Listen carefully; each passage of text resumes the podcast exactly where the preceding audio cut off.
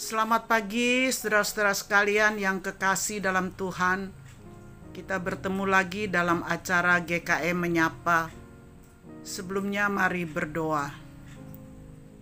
Tuhan, terima kasih berkat-Mu berkelimpahan dalam hidup kami setiap hari. Kami lagi boleh membaca Alkitab pagi ini.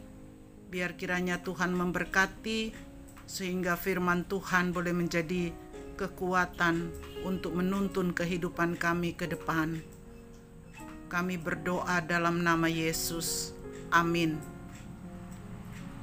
Pembacaan Alkitab terambil dari Matius pasal 6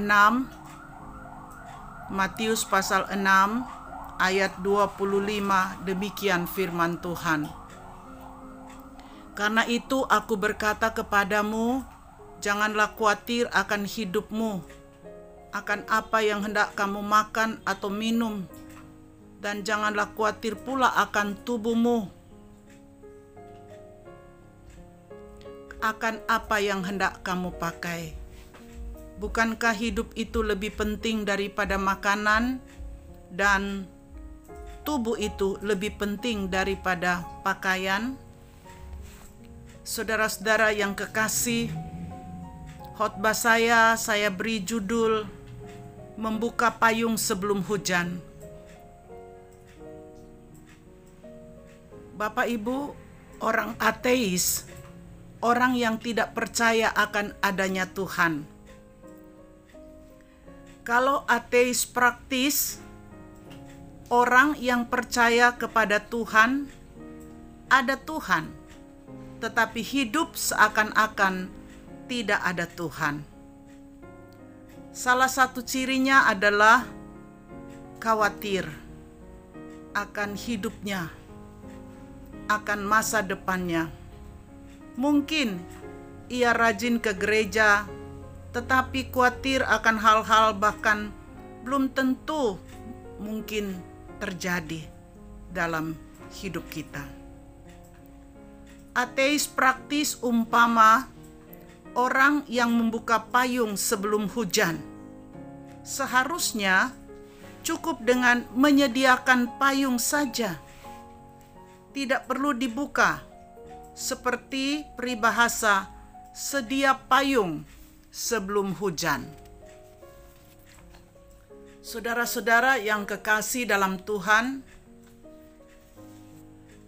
dapat diarki membuktikan kekhawatiran positifnya adalah orang yang sedia payung sebelum hujan. Tapi negatifnya adalah orang yang membuka payung sebelum hujan. Jadi saudara-saudara sekalian, di sini kita melihat bahwa ada persamaan orang yang membuka payung sebelum hujan dengan ateis praktis adalah khawatir akan suatu hal yang belum terjadi atau tidak akan pernah terjadi. Martin Luther, seorang tokoh gereja,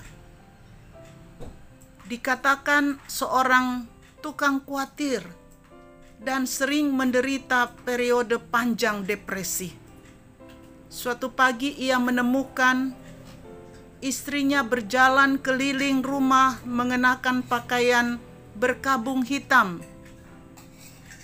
Tirai dipasang dan lilin dinyalakan seolah-olah keluarga sedang berduka. Karena gelisah melihat hal itu, Martin Luther dengan istrinya bercakap-cakap. Martin Luther tanya, "Siapa yang meninggal?" Istrinya menjawab, "Tuhan yang meninggal." "Jangan bercanda," kata Martin Luther. "Tuhan tidak meninggal." Istrinya menjawab, "Oh, tidak." Lalu, mengapa kau bertingkah seperti itu sejak minggu lalu? Jadi istrinya menegur dia dengan kekhawatirannya yang membuat dia depresi. Di zaman Tuhan Yesus sampai sekarang, kekhawatiran selalu menjadi masalah. Buktinya salah satu khotbah Tuhan Yesus adalah tentang kekhawatiran. Memang hidup dan tubuh tidak akan bertahan tanpa makanan dan pakaian.